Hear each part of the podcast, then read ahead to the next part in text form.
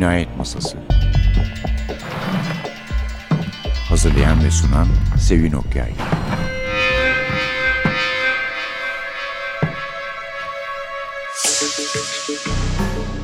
Merhaba, NTV Radyo'nun Cinayet Masası programına hoş geldiniz.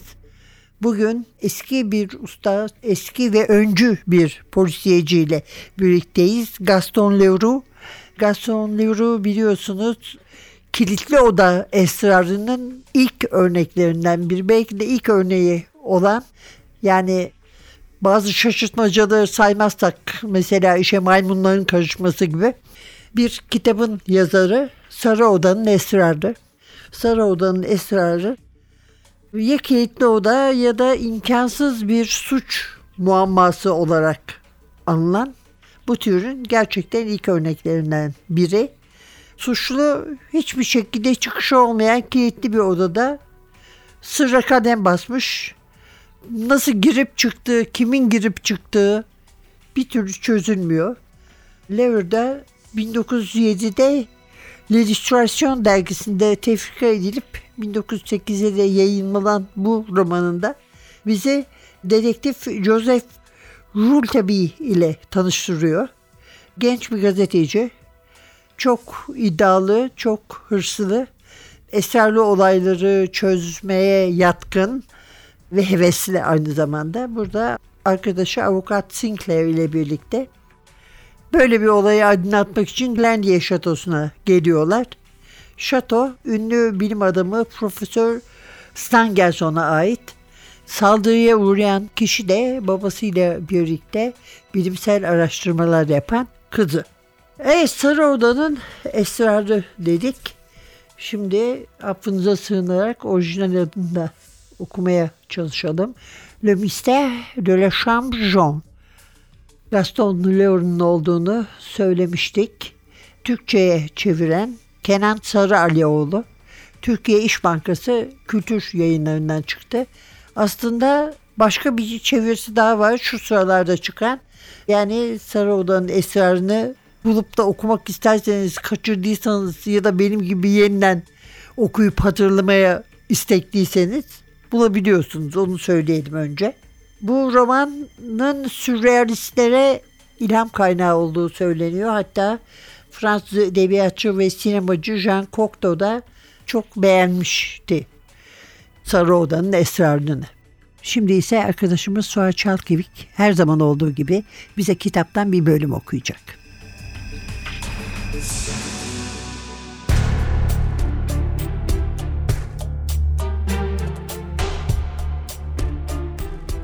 Birkaç dakikadan beri Rouletabille birlikte Monsieur Stangerson'un geniş malikanesini çevreleyen duvar boyunca yürüyorduk. Demir kapıyı gördüğümüzde yere doğru eğilmiş birini fark ettik. Görünüşe bakılırsa işine o kadar dalmıştı ki geldiğimizi görmedi. Kah neredeyse yere uzanacak kadar eğiliyor, kah doğrulup duvarı dikkatle inceliyor, kah avucunun içine bakıyor, sonra uzun adımlarla yürüyor, derken koşmaya başlıyor ve yine sağ avucuna bakıyordu. Rouletabille bir el hareketiyle beni durdurdu. Sessiz olun dedi. Frederick Larson çalışıyor. Rahatsız etmeyelim. Joseph Rouletabille bu ünlü polise büyük bir hayranlık duyuyordu. Ben Frederick Larson'ı daha önce hiç görmemiştim ama şöhretinden haberdardım. Darphanenin altın külçeleri olayını herkes bu bilmeceyi çözmekten vazgeçtiğinde aydınlatan oydu. Kredit Üniversel'in kasalarını açan hırsızları tutuklaması da onu büyük bir şöhrete kavuşturmuştu. Joseph Rouletabille'in eşsiz yeteneğinin hayran olunası kanıtlarını henüz gözler önüne sermediği o dönemde Frederick Larsan en esrarengiz ve en karmaşık suçları çözebilecek en becerikli kişi olarak görülüyordu. Ünü tüm dünyaya yayılmıştı ve Londra, Berlin ya da hatta Amerikan polisi bile ulusal müfettişleri ve dedektifleri imgelen ve kaynakları tükenip işin içinden çıkamaz hale geldiklerini itiraf ettikleri zaman onu yardıma çağırıyordu. Sarı Oda'nın esrarı ortaya çıkar çıkmaz emniyet müdürünün o sırada büyük bir hırsızlık olayını araştırmak için Londra'da bulunan Frederick Larson'a buyruğu altındaki bu önemli adamına çabuk gelin diye telgraf çekmesine hiç şaşmamalı. Emniyette kendisine Büyük Fred adı verilen Frederick, her ne kadar bundan rahatsız olduysa da deneyimlerinden hizmetlerine ihtiyaç duyulduğunu anlayarak acele edip gelmişti. Rültabil ve ben işte o sabah onu böylece görevinin başında bulduk. İşin içinde ne olduğunu az sonra anladık. Sağ avucunda sürekli baktığı saatinden başka bir şey değildi ve dakikaları saymakla meşgul gibi görünüyordu. Sonra geri dönüp bir kez daha koşmaya başladı. Bahçenin demir kapısına gelince durdu. Tekrar saatine baktı. Saati cebine koydu. Bıkkın bir tavırla omuzlarını silkerek kapıyı itip bahçeye girdi. Demir kapıyı kilitledi. Başını kaldırınca parmaklıkların arasından bizi gördü. Rultabil ona doğru koştu. Ben de arkasından gittim. Frederick Larsan bizi bekliyordu. Thank you.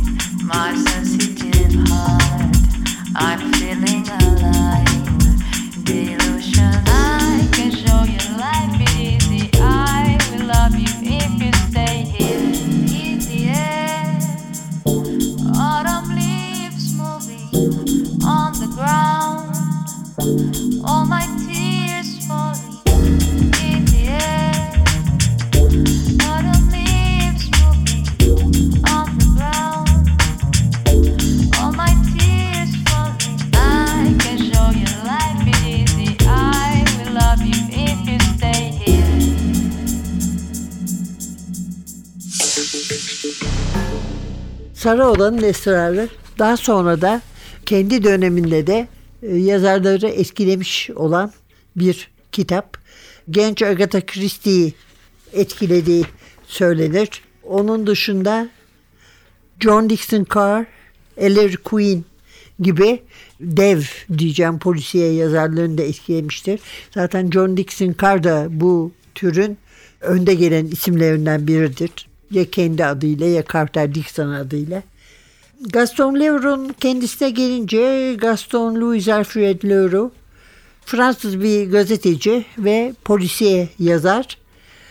Ama İngilizce konuşulan dünyada başka bir kitabıyla o kitaptan yapılan uyarlamalarla daha iyi tanınıyor, daha fazla tanınıyor. Bu da operadaki hayalet Le Fantôme de l'Opéra 1910'da yazılmış olan. Bu roman gerçekten de çok beğenilmişti. Özellikle de 1925 yapımı Lon Chaney'nin başrolünde oynadığı film aynı şekilde bir etki yarattı. Bir de Andrew Lloyd Webber'in 1986 tarihli müzikali. Gerçi Sarı Oda'nın esrarı bundan 3 yıl önce yazılmıştır 1907'de ve gerçekten de kilitli oda esrarlarının önde gelenlerinden biri bence en iyisidir. Ama gene de İngilizce konuşulan ülkelerdeki duruma bakacak olursanız operadaki hayalet daima popülerlik açısından, sevilme açısından birkaç adım önde gelir. Şöyle bir popülerlik Broadway tarihinde en fazla sahnede kalan şovdur. Belli başlı 70 tane tiyatro ödülü kazanmıştır.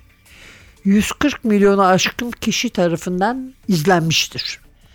Operadaki hayalet konusu da Paris Operası'nın altında mahzenlerde maskeli birisi Oradaki herkese korku yaşatır, dehşete salar hepsini. Masum ve genç bir sopranoya, Christine çılgınca aşık olur ve ondan yeni bir yıldız yaratmaya adar kendini. Evet, daha Sarı Oda'nın esrarından daha fazla bilinen ama polisiye olduğu söylenemeyecek operadaki hayaletin hikayesi de bu.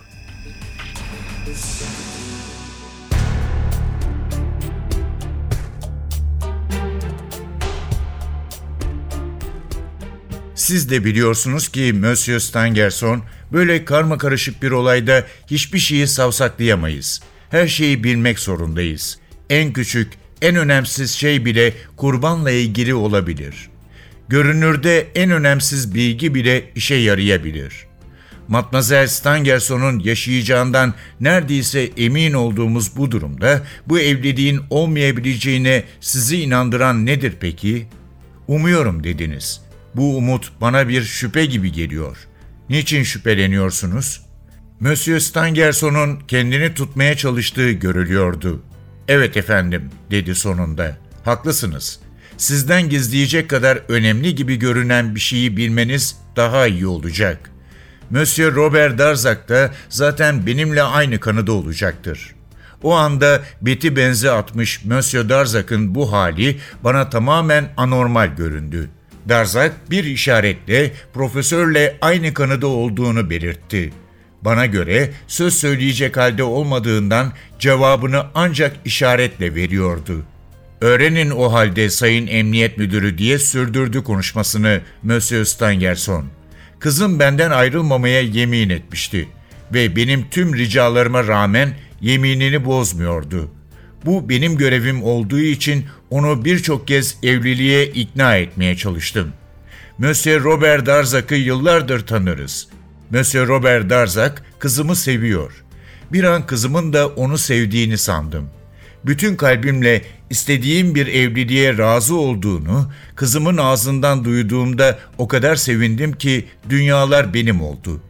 Efendim, ben yaşlandım artık. Benden sonra Matmazel Stangerson'un yanında olacak, onu sevecek, ortak çalışmalarımızı sürdürecek, benim de sevdiğim, iyi kalbine ve bilim insanlığına değer verdiğim birini tanımış olmaktan çok mutluydum.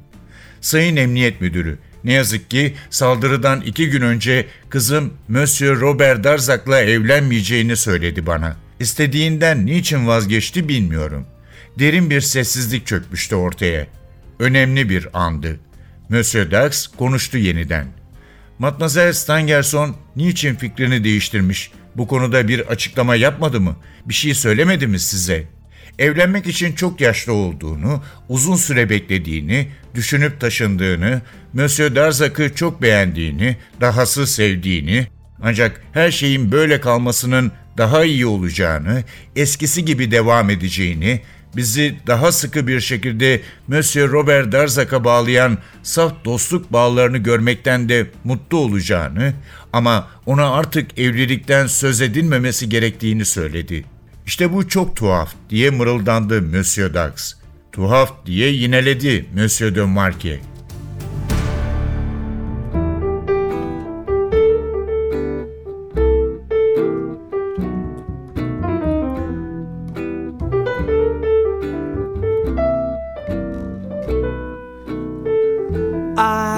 Gal who's always late. Anytime we have a date, but I love her.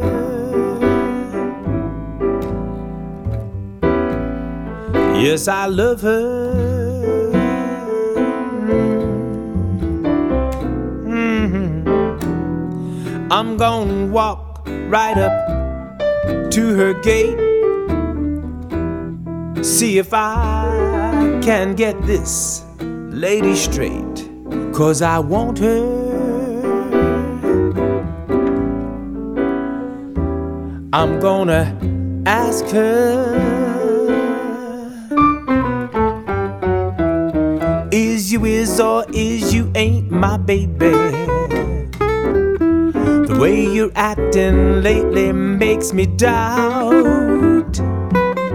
Yours is still my baby, baby.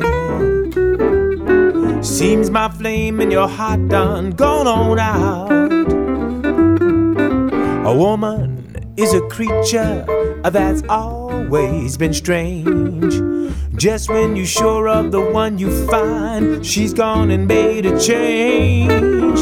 Is you is or is you ain't my baby? Maybe baby's found somebody new.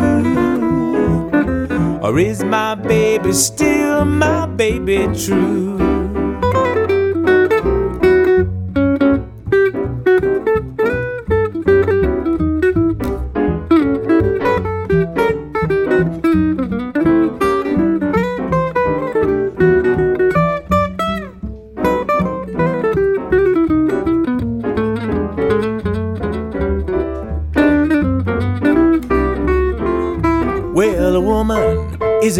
That's always been strange. Just when you're sure of the one you find, she's gone and made a change. Is you is or is you ain't my baby? Maybe baby's found somebody new. Or is my baby still my baby true?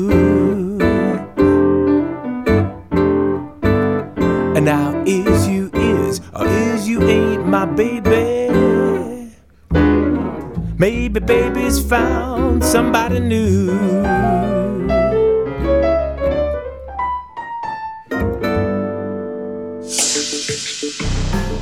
Gaston Leroux, Sarı Oda'nın Esrarı bu hafta kitabımız. Kilitli Oda esrarlarının en haslarından biri. Şöyle o da profesörle kızının birlikte bilimsel araştırmalar yaptıklarını söylemiştik. Bu tabii ıssız yerdeki bir evde. Orada böyle müştemilat gibi küçük bir bölümleri var. Orada çalışıyorlar. Laboratuvar çalışmalarını orada yapıyorlar. Profesör Stangerson'la kızı Matmazel Stangerson ve o akşam çalışmışlar birlikte. Sonra da genç kız tam odasına dönmüş ki az sonra mücadele sesleri duyuluyor ve cinayet, cinayet, imdat çığlıkları ve bir silah ateşleniyor. Bir türlü giremiyorlar çünkü odaya girecek yer yok. Kapı kilitli, pencereler kilitli, sürgülü, panjurlu, parmaklıklı. Sonunda kilitli kapıyı babası ve bir hizmetkar kırmayı başarıyorlar. Genç kadını yerde buluyorlar. Fena halde yaralanmış, kan revan içinde. Odada başka hiç kimse yok. Dediğim gibi bir pencere dışında bir çıkış da yok. O pencerenin de parmaklıkları var. Panjurları kilitli, kapı sürgülü. Saldırgan nasıl kaçtı? Zaten kilitli oda esrarının da ana muamması budur. Bu 1907 tarihli kitapta 20. yüzyıl başlarındaki polisiyenin önde gelen klasiklerindendir. Ve aradan 100 yıldan fazla zaman geçtiği halde aynı şekilde ağırlığını da değerini de koruyor. Her ne kadar operadaki hayalet ondan daha popüler olsa da eminim ki polisiye seven, polisiyeyi ilgilenen insanlar için Sarı Oda'nın esrarını okumamış olmak gerçekten de bir eksiktir ve bir kayıptır. Ama madem kilitli oda esrarlarının bu kadar sözünü ettik, o zaman daha önce de adını verdiğimiz bir başka ustayı da programa dahil edelim. Esrarın kralı olarak tanınıyormuş John Dixon Carr. John Dixon Carr 1906 yılında doğdu. O doğduktan bir yıl sonra da Sarı Oda'nın Esrarı yayınlandı. Dixon Carr maceraları İngiliz kırsal kesimindedir, kırlardadır ya da İskoç şatolarında veya Londra müzelerinde. Kahramanları da bir İngiliz sözlük bilimci, efendim asalet ünvanı verilmiş bir Dışişleri Bakanlığı üst düzey çalışanı. Paris'te var bir tane bir Paris polis müdürü o da Ben Colen oluyor. Ama John Dixon Carr'ın kendisi Pennsylvania'da doğmuş bir Amerikalı. Sir Henry Merrill'ı yarattı. Carter Dixon adı altında. Sir Henry Merrill şişman, küfürbaz, huysuz, nevi şahsına münasır bir adamdır. Bir de Gideon Fell var. O da şişman. Ben Colin'in böyle bir sorunu yoktu. Ve gerçekten de işlerini iyi bilen, kilitli oda eserlerini çözebilen karakterler. Evet efendim bugün Gaston Leroux ile birlikteydik. Sarı Oda'nın esrarı Le Mystère de la Chambre Jaune. Türkçe'ye Kenan Sarı Alioğlu çevirdi. Türkiye İş Bankası Kültür Yayınları'ndan çıktı. Önümüzdeki hafta aynı saatte yeniden birlikte olmak umuduyla mikrofonda Sevin, prodüksiyonda Atilla. Hepinize esrarı çözülebilecek muammalarla dolu bir hafta dileriz. Allah kolaylık versin diyoruz. Hoşçakalın.